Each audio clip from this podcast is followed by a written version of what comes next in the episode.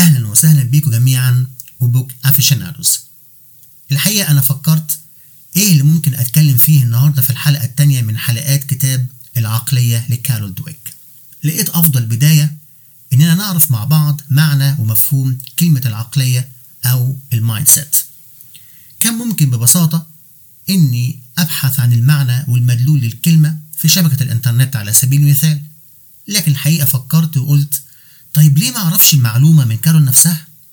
بحثت ووجدت إن كارول اتسألت نفس السؤال ده بالظبط في مقابلة شخصية معاها وكانت الإجابة ببساطة شديدة إن العقلية أو ال mindset هو فكرة الناس عن قدراتها الأساسية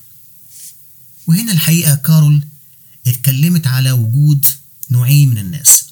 ناس عندهم عقلية ثابتة fixed mindset وناس عندهم عقلية متغيرة growth mindset. الناس اللي عندهم عقلية ثابتة بتؤمن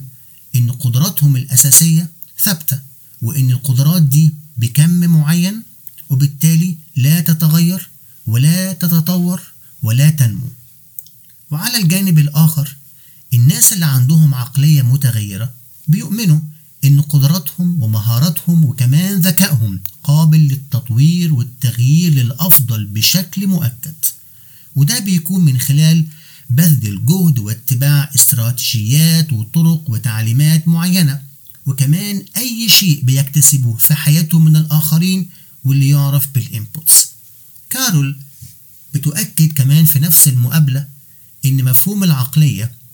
مش بيركز بشكل أساسي على فكرة إننا عندنا قدرات ومهارات مختلفة. بقدر ما يركز إن في إمكانية كبيرة جدا لتطوير وتنمية القدرات والمهارات والإمكانات البشرية. الشيء الجميل في كلام كارول إنها أشارت إلى مفهوم خاطئ عند البعض، وهو الاعتقاد إنهم بيمتلكوا عقلية ثابتة فقط طول الوقت، أو عقلية متغيرة فقط طول الوقت. كارول أكدت إن إحنا خليط من الاتنين وفقا للبيئة اللي عايشين فيها، وضربت مثال إن ممكن أحيانا بنكون عايشين بالفعل لحظات العقلية المتغيرة المتطورة اللي هي ال growth mind لكن على سبيل المثال لما بيطلب مننا إن إحنا نخرج من ال comfort zone بتاعتنا أو نواجه صعوبة أو عائق ما في الحياة obstacles معينة أو نقابل مثلا أشخاص أفضل مننا في شيء كنا فاكرين إننا الأفضل فيه بنتحول كنتيجة إلى النمط الآخر من العقلية الثابتة ال fixed mindset وبالتالي من الحكمة والفطنة إن كل واحد فينا يكون عنده درجة من المعرفة والوعي إيه هي الحاجات والأشياء اللي في حياته اللي ممكن تجعله يتغير إلى شكل العقلية الثابتة وبالتالي لو ده حصل هيقدر يعرف يتغلب على المشكلة دي ويغلب عليه بعد كده نمط العقلية الخاص بالعقلية المتغيرة. أكيد كل واحد فينا دلوقتي بيفكر إيه أهمية الموضوع ده في حياته في وظيفته في دراسته. الحقيقة كارول قالت في نفس المقابلة إن الأبحاث أظهرت إن الإنسان المتواجد في بيئة دراسة أو بيئة عمل أو حتى بيئة الأسرة اللي بتاخد من العقلية المتغيرة منهج ليها الفرد ده أو الإنسان ده بيكون عنده طاقة وحماس أكبر للإبداع والابتكار والتغيير والتعاون مع الآخرين بدلا من البيئة الأخرى اللي بتسمح لبعض الأشخاص على سبيل المثال إنهم ياخدوا موقف إنهم فقط من يمتلك الموهبة والذكاء بمعنى آخر يعني superstars البيئة الأولى الحقيقة